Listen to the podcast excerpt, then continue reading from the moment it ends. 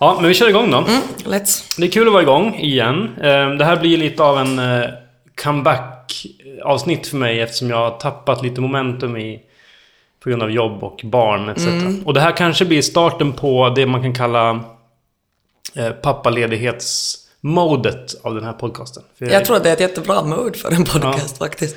Vilket kan stämma in lite bättre i att så här, utgivningstakten kommer vara lite lägre och lite somrigare helt enkelt. Fantastiskt. Mm. Vi är hemma hos mig också, det känns väldigt skönt. Jag tänkte på det igår när jag satt och förberedde mig att det känns bra att vi är hem, hemma hos mig eftersom jag ändå får besök av en riktig programledare. Jag insåg att, så här, jag insåg att nervositeten är mycket högre eftersom jag, så här, jag nu gör någonting som du är van att göra professionellt. No, alltså jag kan säga att jag är så otroligt imponerad av proffsigheten. Det här är bättre mikrofonen än vi har i vår studio, så att det behöver du definitivt inte känna någon nervositet inför. Om man ska prata om identitet så är jag en materialperson. Mm, jag, jag misstänkte Jag kompenserar mitt kanske bristande liksom, kunskap med teknik istället. Ja, men det kan man ofta göra faktiskt. Ja. Eh, Så därför tänkte jag eh, först och främst att eh, du gärna får liksom, du får gärna ta en så här teknik-timeout. Du. Teknik, Och time-out. säga så här, "Hörru, nu coachar jag dig lite här i ditt programlederi. Har jag liksom några pointers här? Nu borde Jag får liksom gå in och korrigera. Du får göra det. Du Åh, göra det. du snackar med en människa som älskar att korrigera. Jag har verkligen måste arbeta bort det där, för jag växte ju då upp i en familj med en pappa som är språkvårdare, finlandssvensk språkexpert, och min mamma var eh, lärare på universitetet i svenska för utlänningar i Helsingfors. Så att eh, det kändes mycket som att eh, när jag var liten så handlade det om hur man sa någonting mer än vad man sa.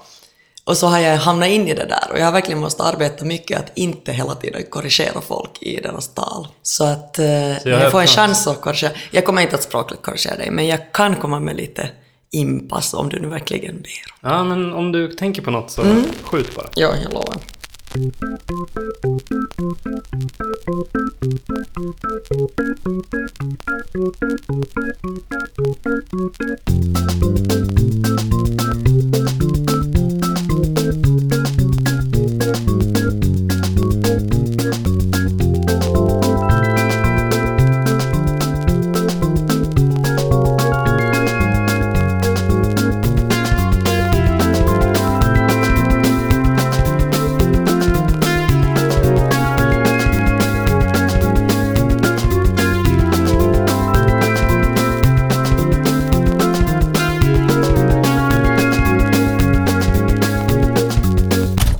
Hej! Som ni hör är podcasten Identitet tillbaka. Och eh, som ni också redan hört och kanske märkt så har utgivningstakten svajat lite sen sist. Och kommer så fortsätta göra ett tag framöver om man ska vara helt ärlig. Så se till att fixa era prenumerationer så att ni får en uppdatering när det kommer något nytt härifrån. Jag har precis påbörjat min pappaledighet med min lilla son Enar. Och vad det här pappaledighetsmode som vi just pratade om kommer innebära rent konkret återstår att se. Jag tänker att produktionen fortsätter, möjligen lite sporadiskt. Eh, ibland med en gäst, ibland med flera. Ibland som vanligt med socionomexperten Lisa och ibland med mig på egen hand. Som idag till exempel. Jag som pratar är Anders Örtegren och jag har i detta avsnitt träffat Andrea Reuter och pratat om hennes identitet främst som finlandssvensk. Vi kommer att prata mycket om språk, men också om frisyrer och prominenta släktträd. Och så får ni också vara med i chocken då Andrea på något sätt outar min tydligen begynnande flintskallighet. Eh, är det någonstans det ska ske, är det här tänker jag, så jag bjuder på det. För er som inte har stenkoll på Andrea så följer en Wikipedia-genomgång direkt efter musiksnutten som följer nu. Välkomna till avsnitt 4 av podcasten Identitet.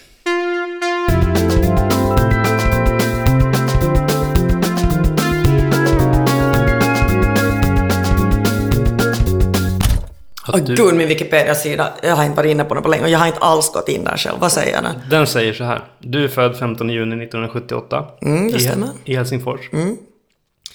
Du är en Sverige-finlandssvensk. Mm. Vi ska återkomma till det. Ja. Eh, filmrecensent och programledare för Filmkrönikan från 2007 till 2008. 2008. Det står inte när det slutade. Och eh, har även figurerat i tidigare säsonger och som gästrecensent tidigare lett filmprogram i TV400. Mm. Eh, dotter till språkvetaren Mikael Reuter. Ja, det är ju härligt att det står på min Wikipedia-sida. Mm. Jag är stolt över. Ehm, det är din bana, helt enkelt. Det är min bana, ja. Alltså, jag, jag gick ju... Jag gjorde min, min magister på, på Stockholms universitet i filmvetenskap. Så jag jobbade några år på Stockholms filmfestival på programavdelningen. Och så blev jag liksom headhuntad därifrån till att göra ett, ett filmprogram på TV400 då. Som ju inte existerar mer, alltså hela kanalen finns inte alls. Eh, Men det var ganska roligt när man tittar på vem som jobbar där då. För att eh, Johanna Koljonen började sin karriär där, Kristoffer Triumf jobbar där samtidigt. Så det är många som är inne i branschen nu som... Det var väldigt lekskola. Det var kul och lärorikt där. Apropå triumf, det blir lite triumfskt idag på något sätt. Vi får blanda lite, vi behöver lite historia, så vi får blanda lite från hans fru Malin, Åkersten Triumfs, eh, Den blå hästen. Och vi får ju nästan göra det lite värveskt också i och med att du får berätta eh, om dig själv mer än vad vi har gjort tidigare i det här programmet. Så. Det låter som jättebra upplägg. Värvetskt. Vilket underbart ord. Tungvrickarordet.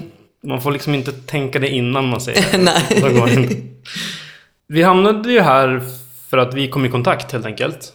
Ja, alltså, jag, jag kan ju säga att det var liksom, inte meningen, men lite fullt sålde jag på något sätt in mig själv faktiskt.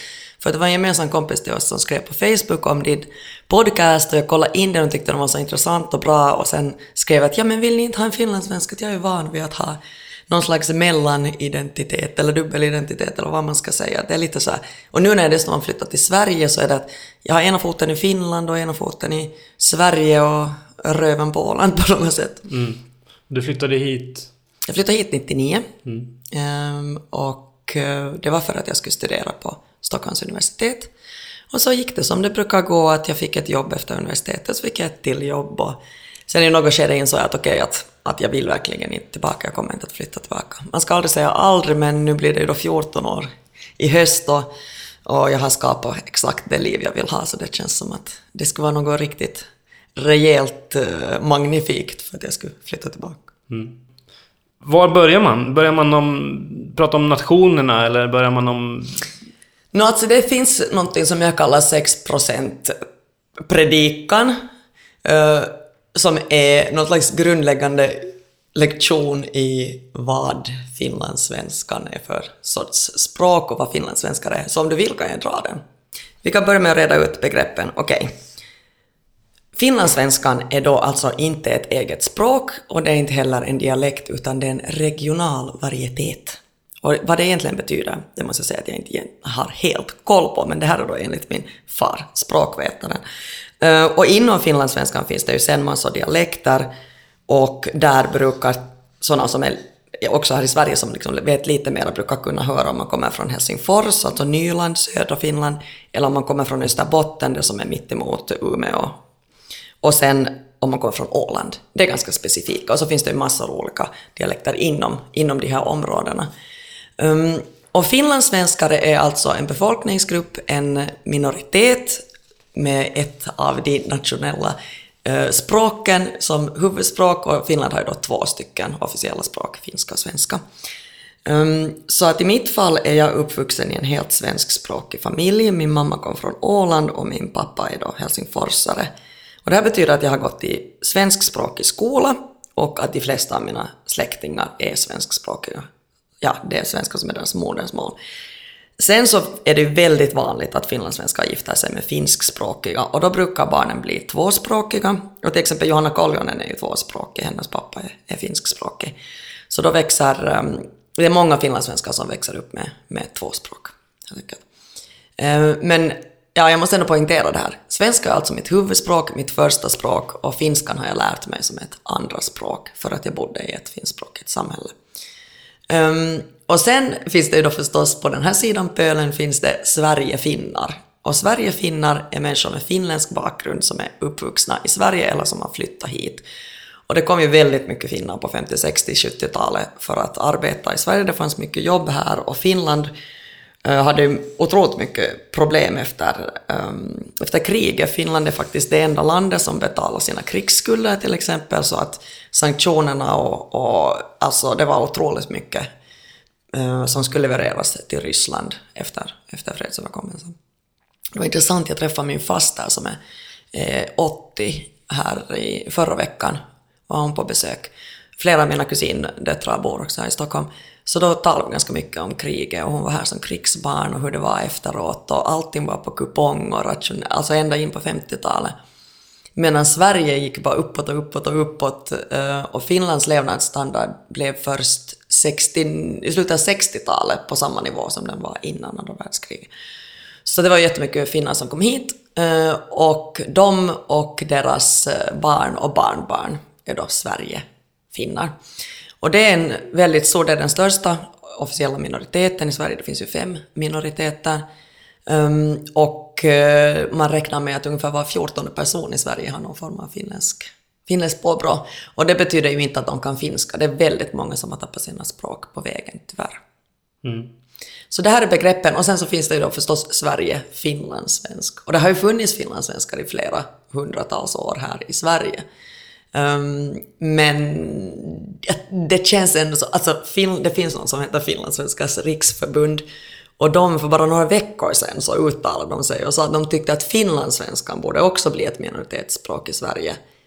Och finlandssvenskarna är ett minoritetsfolk och det tycker jag är helt huvudlöst. Vad är det för poäng? Det är ju, vi talar ju samma språk som majoriteten, det är att det är lite annorlunda vokabulär och viss meningsbyggnad och sådana här grejer. Det, alltså, och så var det dessutom lite så halvrasistiskt att de sa någonting i stil med att ja, att nu blir finlandssvenskar bara så här, eh, insorterade i det där invandrarfacket. Alltså, det, det, det där kan jag inte förstå mig på överhuvudtaget. Men det är ju, Sverige och Finland har en jättelång gemensam historia. Finland har ju hört till Sverige mycket, mycket längre än, än Finland har varit självständigt. Eller för den delen eh, längre än Skåne har hört till Sverige.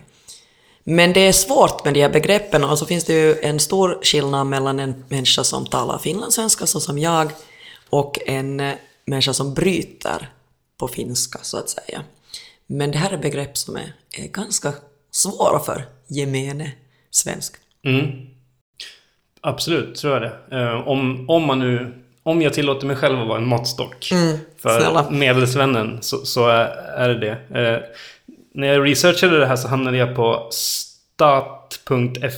Stat. Mm. Som jag gissar är deras SCB, typ. Ja, det är något statistiskt.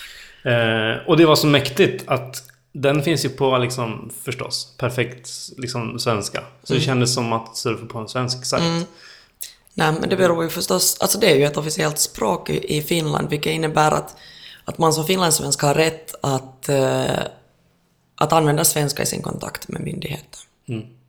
Och sen är det också så här, beroende på kommun, så finns det då ett majoritetsspråk och ett minoritetsspråk och om eh, det är mera än 3% som talar minoritetsspråket, då blir det en tvåspråkig kommun. Eller om det är fler än 3000 personer i en större kommun, att 3000 är mindre än 3 Och det som är ganska intressant att eftersom det eh, konsekvensen av att det är en tvåspråkig kommun betyder att då står allt på båda språken också. Så om man vill, vill veta om det är en tvåspråkig kommun eller då kan man till exempel titta på gatunamnen. Och om det majoritetsspråket är finska, då står det på finska först och sen på svenska. Eller tvärtom, för till exempel Åland är 94% svenskspråkigt, så där står det på svenska först och sen på finska. Och alla förpackningar är på båda språken, oberoende av i vilken kommun man bor. Eh, och sen det bisarraste av allt är att när man går på bio är det en rad finska och en rad svenska i översättningen, om det är en engelskspråkig film. Mm -hmm. Så man får läsa snabbare i, i Finland? Mm, mm, det är ganska specifikt. Kul. Um, om man sätter sig in lite mer i begreppen på Wikipedia, um, vilket jag försökte göra häromdagen, så får jag upp några fler uh, begrepp än, än de som du tog upp. Mm. Ska jag dra dem rakt av? Snälla, dra dem. Som jag tolkade det så, så om man... Nu blir det på något sätt mer och mer högupplöst. Så mm. det mest grovkorniga är finländare. Mm. Samlande namn för medborgare i Finland. Mm. Mm. Sverige-finländare. Samlingsbegrepp för alla i Sverige bosatta som härstammar från Finland. Oavsett språk. Mm. Eh, med så långt? Absolut. Mm. Finnar, benämning på finskspråkiga medborgare i Finland. Sverigefinnar, finskspråkiga personer som flyttat från Finland till Sverige. Mm. Finlandssvenskar, benämning på svenskspråkiga medborgare i Finland. Och då slutligen Sverige-Finlands-svenska. Som är en svenskspråkig person som flyttat från Finland till Sverige. Det är allt helt korrekt. Sverige-Finlands-svenskar står det här också. Det är noggrant påpekat. Det är inget ord som finns i Saul. Nej. Det verkar inte vara helt vedertaget. No, det är ju ett eh, väldigt fungerande begrepp. Mm. Så att jag är, jag är inne på den här linjen att om det används då är det ett ord. Mm, det låter väl vettigt. Men då är du, eh, säger du alltså till folk att du är Sverige-Finlandssvensk? Jag använder det inte så mycket som... Jag säger nog mer att jag är finlandssvensk. Mm. Ja. Eh, och sen, sen bor jag ju här förstås. Eh, men den distinktionen som jag tycker är den intressanta i det du rabblar upp nu är ju då eh, mellan finländare och finne. Att finne är kopplat till språk medan finländare är kopplat till nationalitet. Så om man vill vara jättekorrekt och träffa någon som man tycker verkar på något sätt ha någon slags finskt påbrå, om man inte kan skilja på finlandssvensk finlandssvenskt uttal och, och finsk brytning eller Sverigefin, hur Sverigefinnar brukar tala, så då kan man liksom bara säga finländare. Då, behöver, då, då kategoriserar man inte vilket språk den här människan Just det. kommer från. Carte blanche. Mm. Så det är liksom mitt tips. Om någon säger att du bryter, blir du provocerad då? Eller ledsen då? Liksom? Någon ledsen blir jag absolut inte, men lite provocerad blir jag. Och det har ju hänt så otroligt mycket. Och då när jag jobbade på TV så kom det ju mycket mejl liksom att hur kan ni ha någon som bryter på finska på, på TV och bla bla bla. Och då handlar det ju om en okunskap. Och jag tycker att det på något sätt är det inbakat i ens identitet som finlandssvensk att man också i Finland, konstigt nog är det många människor som inte riktigt fattar vad det innebär eller känner till att det finns och sådär. Så att ja, jag är jättevan vid att alltid han måste förklara och jag tycker det är helt fine. Då gör jag det. Men det som är liksom, kan vara ganska irriterande är när man har dragit förklaringen, det som jag gjorde här tidigare med allt bla bla bla. Och så säger folk, jaha men, men, men du talar ju ändå finska hemma. Alltså vet man har förklarat allt men så hade det ändå inte gått in. Och, och det sjukaste var egentligen faktiskt när jag var med eh, det var en kompis jag hade känt i typ så här fem år, inte kanske jättebra men ändå helt okej bra. Sitter vi i bilen och så ringer det och så snackar jag och sen när jag lägger på så eh, säger jag att det var min pappa. Och då var han jätteförvånad och sa Va? Talar du svenska med din pappa? Efter att vi har känt varandra så där länge och dessutom med tanke på att min far är en väldigt känd finlandssvensk ivrare så det blev liksom ett så att okej, vad fan, nu lägger jag ner. Men jag är väldigt motiverad att sprida lite kunskap, jag tycker det är bra. Språket är ju helt klart uppenbarligen det centrala i, om man ska titta på den finlandssvenska identiteten. Så- Ja, det är den. Och, och det som är ganska intressant är att um, det är upp till varenda enskild person att själv definiera sig som finlandssvensk, för man kan i papper till myndigheterna välja om man vill kryssa i att svenska eller finska är ens första språk. Så det finns inte liksom någon test sådär, att du måste visa att du är finlandssvensk. Man kan själv säga att jo, men jag är finlandssvensk. Um, men det är självklart att det är språket som, som ligger till grund för det. Finns det några andra kontaktytor liksom? Alltså i den finlandssvenska identiteten. Eh, det som är ganska intressant är då att i alla undersökningar visar det sig att finlandssvenskar är lyckligare, eh, hälsosammare, lever längre. Så man funderat vad kan det bero på det där? Och det handlar ju om, om att det är en ganska... Det är en väldigt... Eh, det är en minoritet som dels är otroligt privilegierad och så är det en minoritet som håller ihop väldigt mycket. Och, och precis som islänningar som är ungefär lika många som finlandssvenskar, kring 300 000, så håller man ganska bra koll. Så att om man träffar en finlandssvensk någonstans så är det inte många minuter som går innan man börjar försöka hitta de beröringspunkter man har. Så det är alltid så här, ah, du har gått i Brändögymnasiet, nu känner du den där och den där. Så man liksom på något sätt ger inte upp förrän man har hittat det där, att jo, vi har de här gemensamma bekanta. Man har ganska bra koll på vem som är släkt med vem och, och, och vad folk gör och sådär.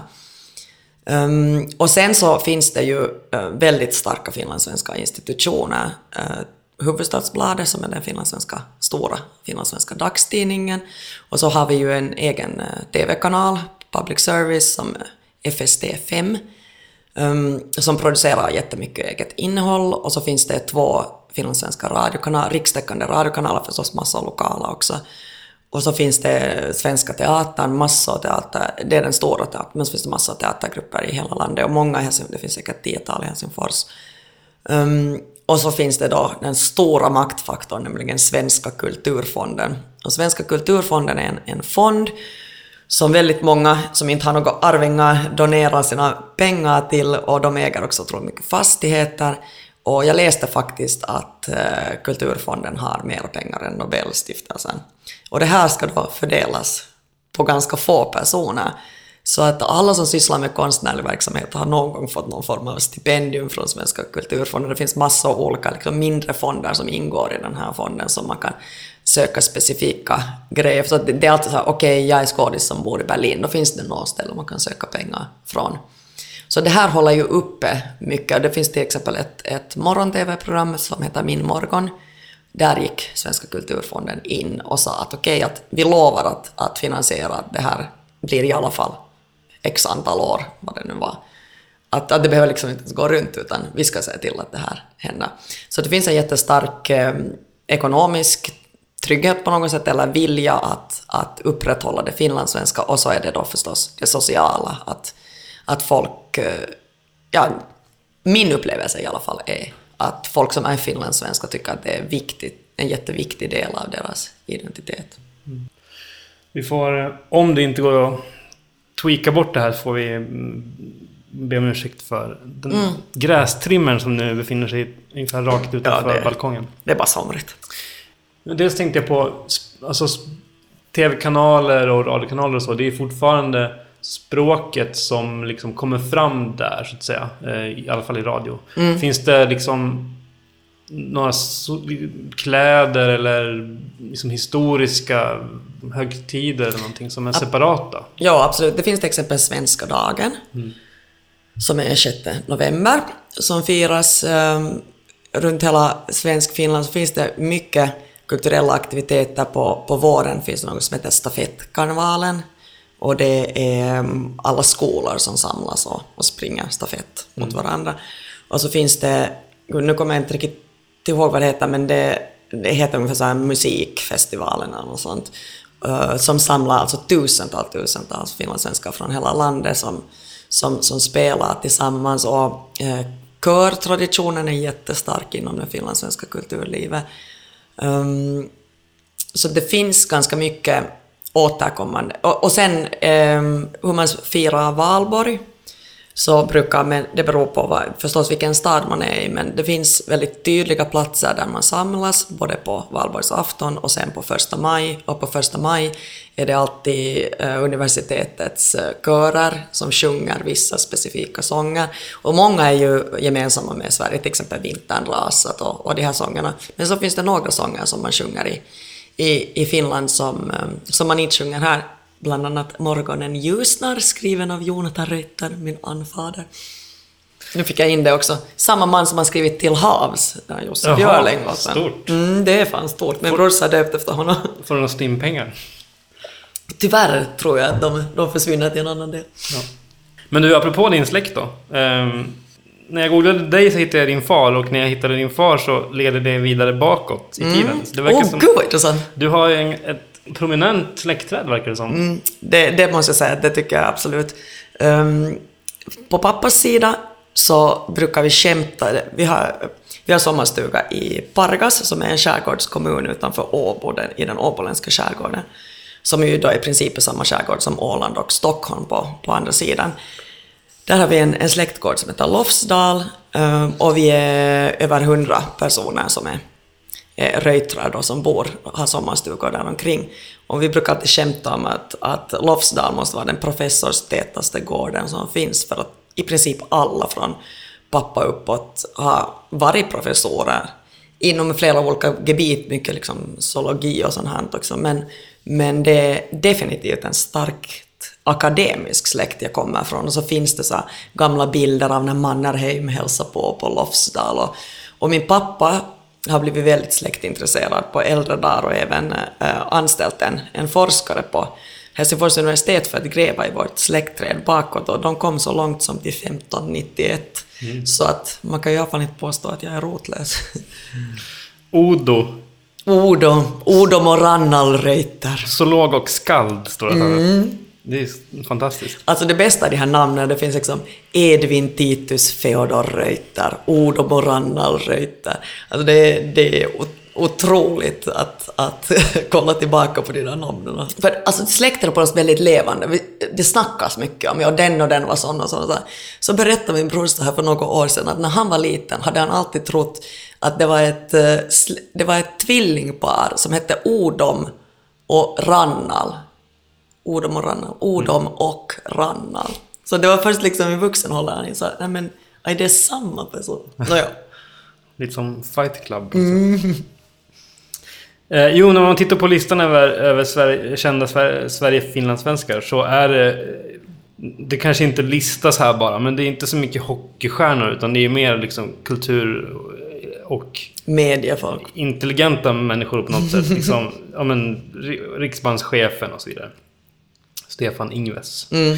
Ehm, det verkar ju som att det finns ett väldigt högt och rikt intellekt och som också vattnas av en ekonomisk fond och så vidare. Att det, liksom, det finns ett högt arv av akademiker generellt och liksom också um, i särklass i, din, i ditt fall. Så att säga.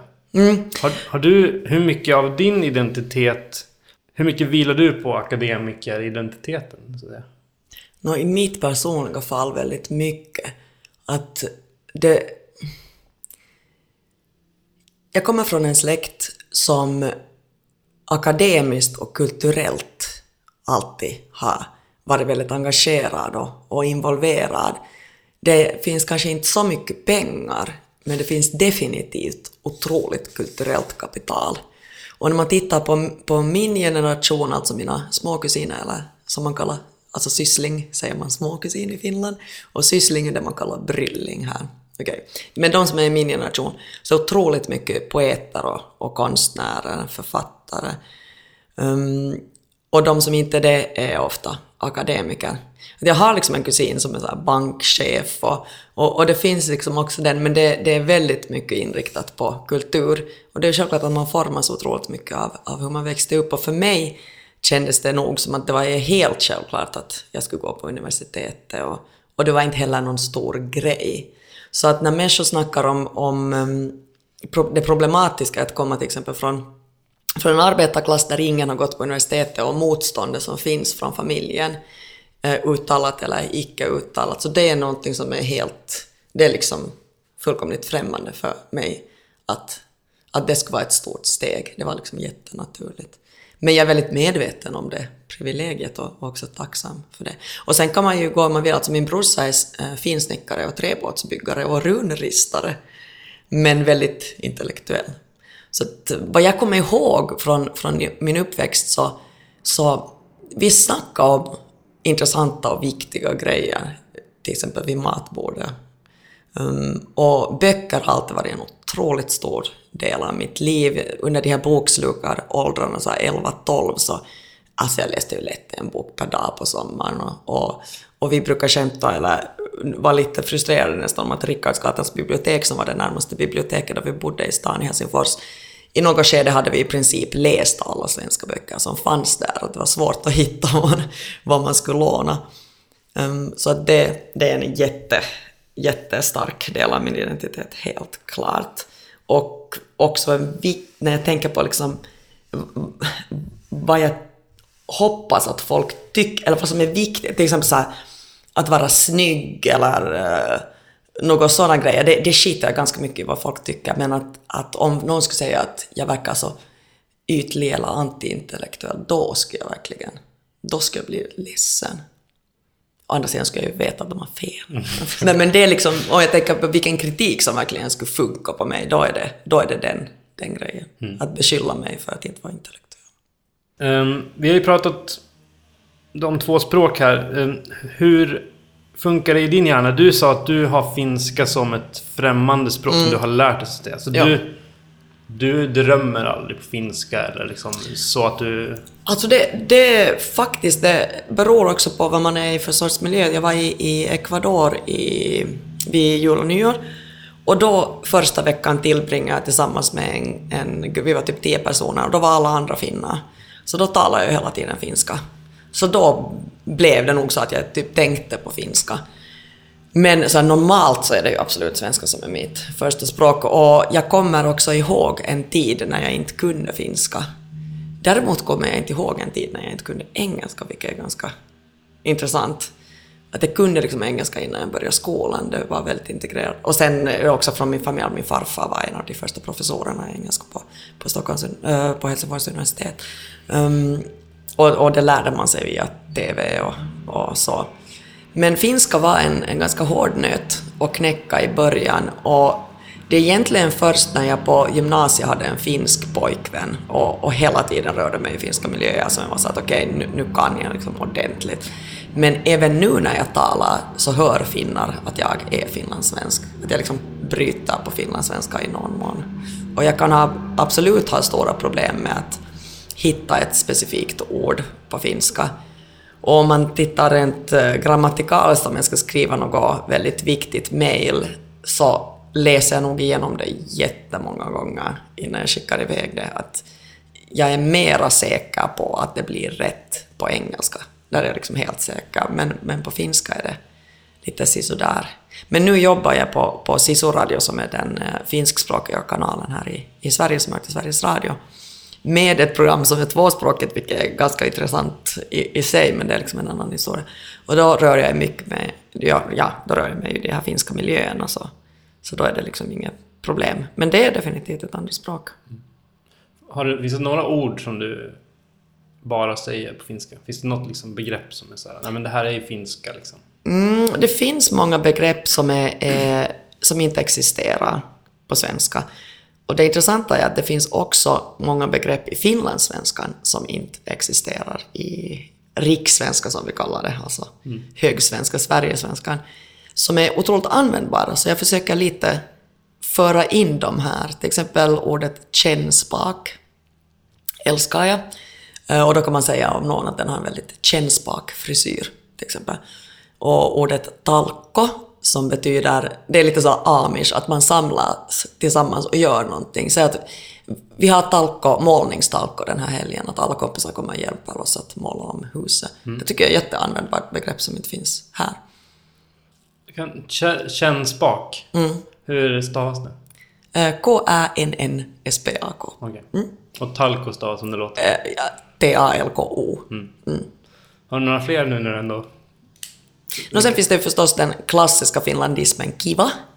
Och kiva är ett väldigt användbart uh, ord, att det betyder bra, rent generellt. Men man kan säga åh vilken kiva klänning du har, men man kan också säga att jag träffade Peter igår, han är så jävla kiva. Um, så det tycker jag också om, det brukar jag försöka implementera bland mina kompisar så de förstår vad jag, vad jag talar om. Mm. Och, och, det, är också, det finns vissa då finlandismer som är, som är okej. Okay att använda. Så finns det ju sådana som är direkt felaktiga som är, är översättningar av finska begrepp som blir helt konstiga och som man ska undvika i Sverige för att folk inte förstår för att de är kanske inte så, så snygga heller. Uh, till exempel, ett, ett klassiskt exempel är muntur. Alltså att det är din tur att tala i någon form av mera uppstyrt sammanhang, någon seminarium. Och som man säger, det är din muntur? Mm.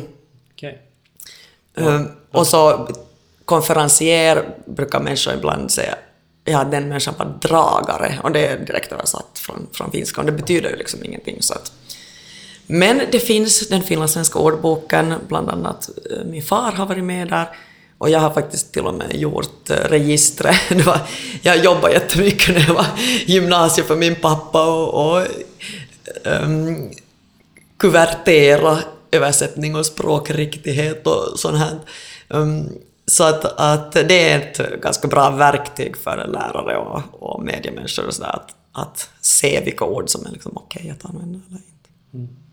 Men det som var den stora skillnaden för mig när jag flyttade till Sverige var ju vokabulären. Alltså det finns grammatiska grejer, så här, helt konstiga grejer som att folk säger ringa åt, jag ska ringa åt eh, Diana, när man menar ringa någon, eller ringa till någon. För ringa åt betyder ju att jag gör det för någon annan typ. Så sånt ska man ju förstås undvika. Men främst var det vokabulären för mig, att komma ihåg att just det, de talar inte Helsingfors slang här. Du är ändå uppväxt i Finland. Hur är det med... Vilken håller du på i hockey? Det är ju givet att jag håller på Finland. Alltså det är ju, i sportsammanhang är det helt givet att jag håller på Finland. Och grejen är att jag är ganska sportointresserad, men om det är final i VM mellan Sverige och Finland, då kan jag uppbåda någon form av intresse. Och det kommer ju givetvis aldrig att ändras. Däremot om det är final mellan Sverige och USA, då håller jag ju förstås på Sverige. Um, alltså jag håller ju alltid på Finland om Finland är med. Och det kommer nog aldrig att förändras. Att vara Sverige-finne, eller finlandssvensk, är liksom en enparti... Enfrågesyssla liksom. Det är språket. Punkt. Ja. Och sen kommer du från Finland. Och det är som att vem som helst som flyttar från ett modersland fortfarande har sitt hjärta där. Liksom. Ja, exakt. Sen är det ju en helt annan sak eh, rent kulturellt. När jag, när jag växte upp så läste jag Frida och Veckorevyn och Okej och hade jättebra koll på svenska artister medan jag hade otroligt dålig koll på finska artister. Och så är det förstås inte för alla finlandssvenskar. Men i, i, i mitt fall så kändes den svenska kulturen närmare trots att jag bodde i Finland. Så det är ganska intressant på något sätt, eller som jag har upplevt i min egen identitet, den där, uh, det där utanförskapet i att bo i ett land där majoritetsspråket och majoritetskulturen är lite på något sätt främmande ändå om jag ska vara helt ärlig. Um, och sen flyttade jag ju hit, så nu är det ju självklart, nu är jag ju inne i det svenska samhället och följer sådär med vad som händer i, händer i den finska kulturen. Kan det finnas en koppling tror du mellan det? Att om man känner sig utanför majoriteten, att man blir mer sökande och nyfiken? Alltså med tanke på hur många framstående personer som är Sverigefinnar. Det är en ganska bra teori det där. Jag har inte tänkt helt i de banorna. Men jag tror definitivt att, att eh, komma från någon form av minoritetsperspektiv är ögonöppnande.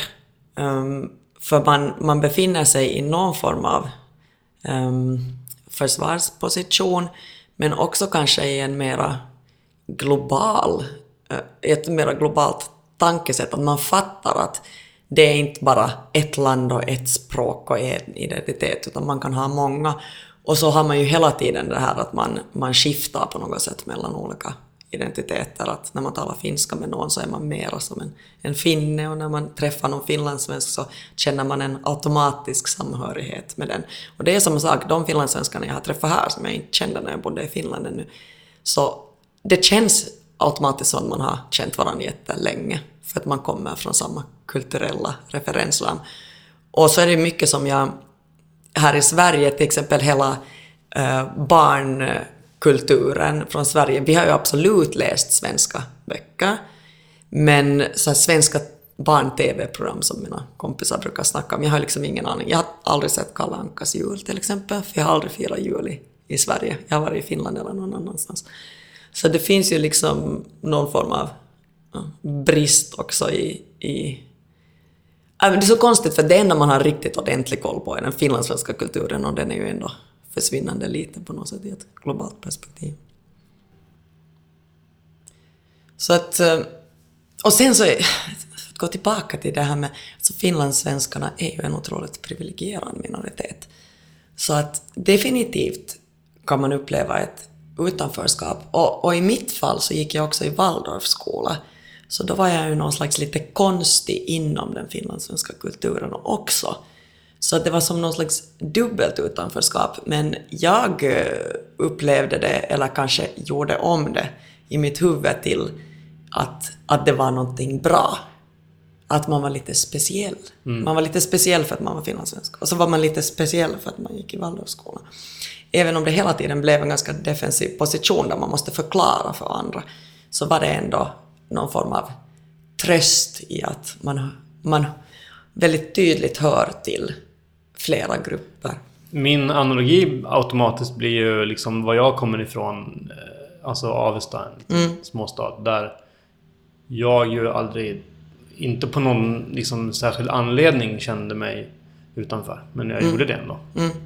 Och det är samma grej, de som känner sig mobbade eller utanför i eh, högstadiet eller gymnasiet oftast tar sig iväg och liksom... Marilyn Manson uttrycker det väldigt väl i Bowling for Columbine. Och jag tror att eventuellt eh, Matt Stone, en av South Park-killarna, också snackar om det i Bowling for Columbine, hur de som var utanför och lite konstiga på, på högstadiegymnasiet är ju de som sen blir framgångsrika. Det är ju ganska dåligt att pika i gymnasiet. liksom. Det är verkligen det. Och, men jag kan tänka mig att det är lite, fast på ett mycket mindre perspektiv, så är det kanske lite samma sak. Alltså, Man Ja, kämpar hårdare finns- om man har lite motvinst. Ja, det finns nog paralleller. Eh, sen beror det ju förstås på, alltså nu talar jag ju ett, ur ett, hela tiden.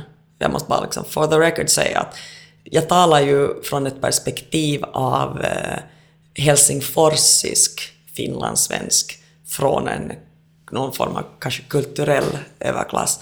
Majoriteten av finlandssvenskar är ju eh, folk som bor i skärgårdskommuner eller som bor uppe i Österbotten och är, eh, inte alls kanske upplever att det är något jättespecifikt eller speciellt med deras finlandssvenska identitet. Medan det i Helsingfors finns en slags ehm, eh, um, Uh, no, dels finns det liksom de som har kulturellt kapital och så finns det de som har mycket pengar. Att det finns väldigt rika släkter i fin, finlandssvenska släkter. Vissa, att man, vissa efternamn reagerar man på så att ah, okej, den där kommer liksom därifrån.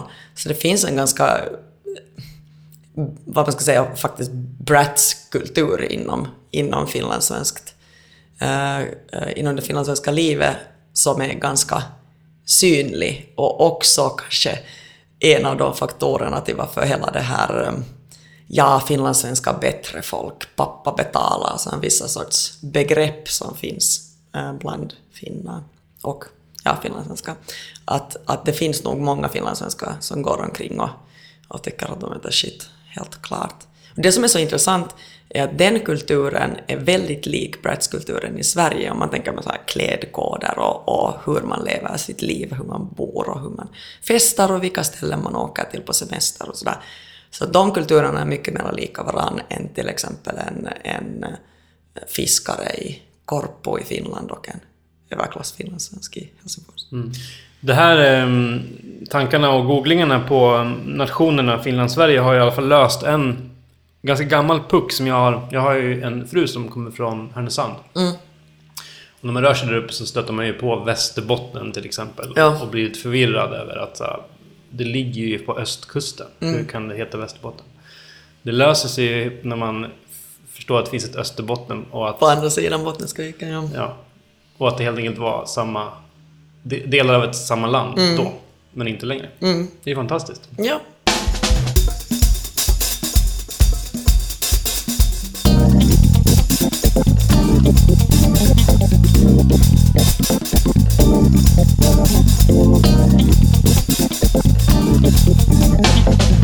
Du, jag tänkte... Vi ska ju hinna med eh, det som jag kallar för identitetsbikten.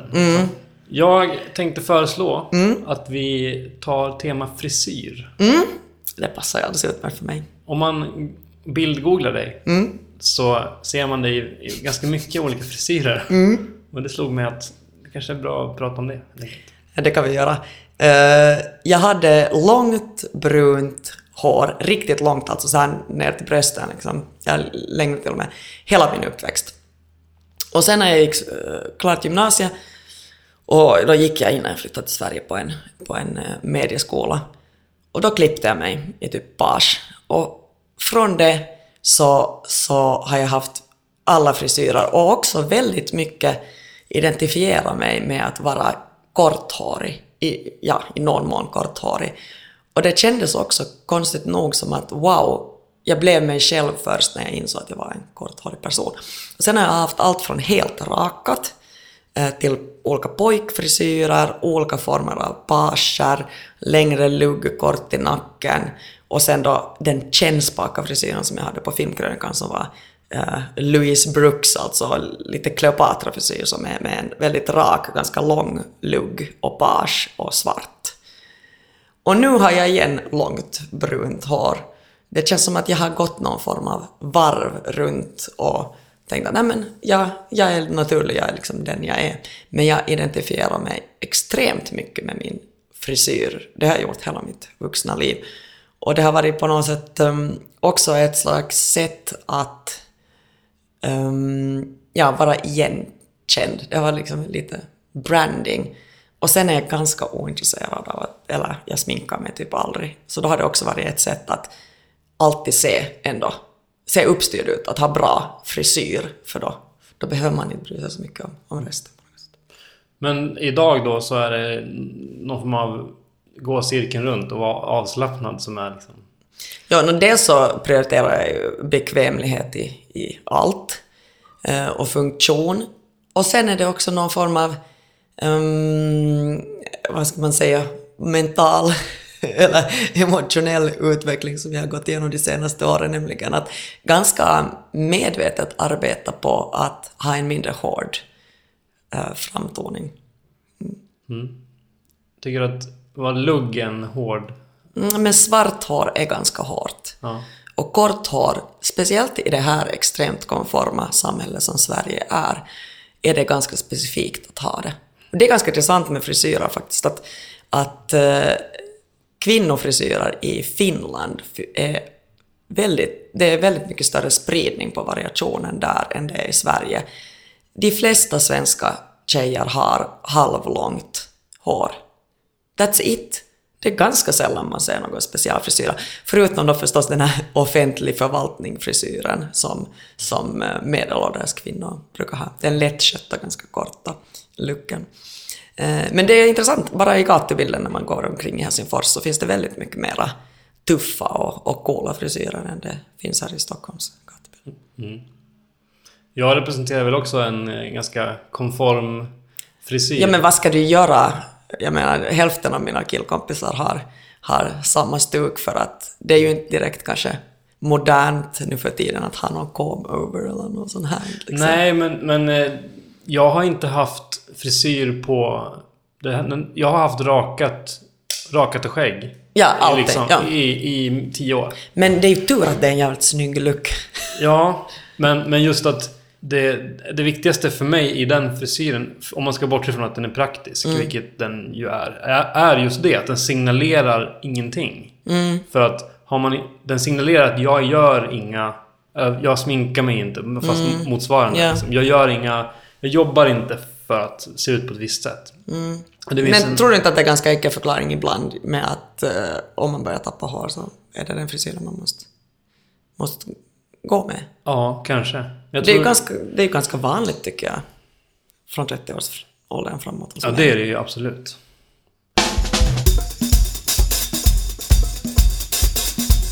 Känner du att det är något mer som eh, vi borde få med?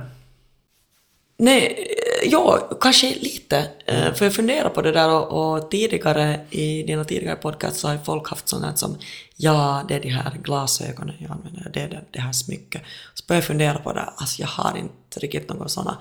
Men definitivt, min röst är, skulle jag säga, min, min främsta identitetsmarkör. Och jag har haft ganska mycket problem med med heshet och, och utrett det där på sjukhus och allt. Och I ett skede så hade det gått så långt att de föreslog att vi kanske borde liksom göra en operation.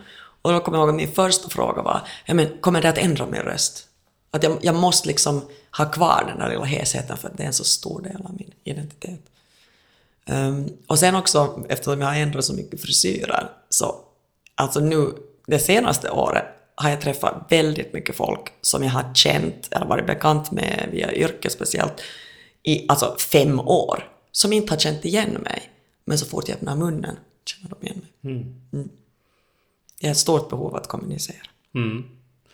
Och det är ju en eh, väldigt, eftersom språket är en så stor kontaktyta mm. i, i din identitet. Mm, verkligen. Och givetvis till rösten hör ju min, min dialekt. Och jag har då som sagt bott här i, i 14 år och det är knappt så att det hörs Jag skulle lika gärna kunna bo i Helsingfors. Känner du att du konserverar ditt språk? Det är en väldigt intressant fråga, i alla fall inte medvetet. Alltså jag är helt hopplös på att härma. Jag kan ju inte låta som en stockholmare fast jag har bott här hur länge som helst. Och mina kompisar får ju nog tokspela och skratta om jag försöker någon gång. Um, men sen så är det ju också det att det är en jättestor del av min identitet så att även om jag skulle kunna tala rikssvenska så tror jag att jag skulle välja att tala finlandssvenska. Men det är ingenting aktivt som jag behöver konservera för att det går, det går automatiskt. Det är liksom så det är. Ja, det, det är det som är den stora skillnaden med att det inte är en brytning. För har man en brytning Ja, då vill man ju fila bort den. Då strävar man ju efter perfektion. Och det vi inte har diskuterat här, men som, som ju är en ganska viktig faktor, är att eh, finlandssvenska, det finlandssvenska uttalet är väldigt älskat och populärt i Sverige.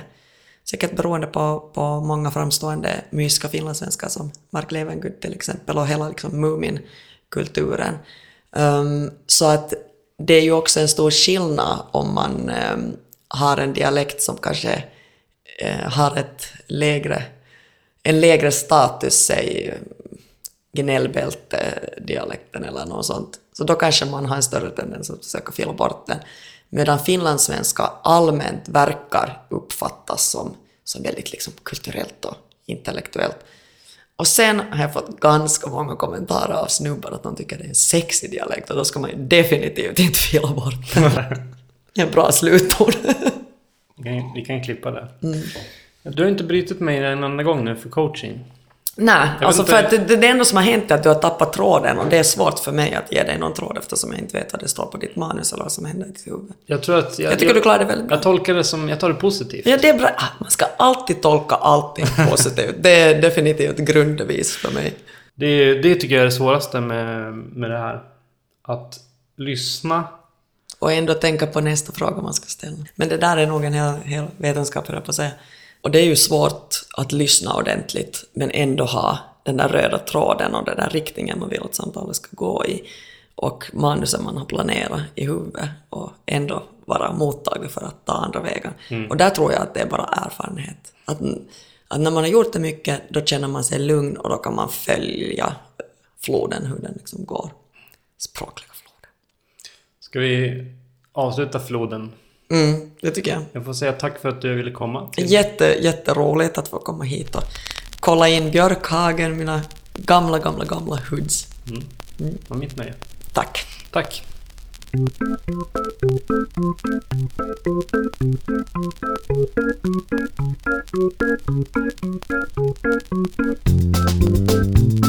Thank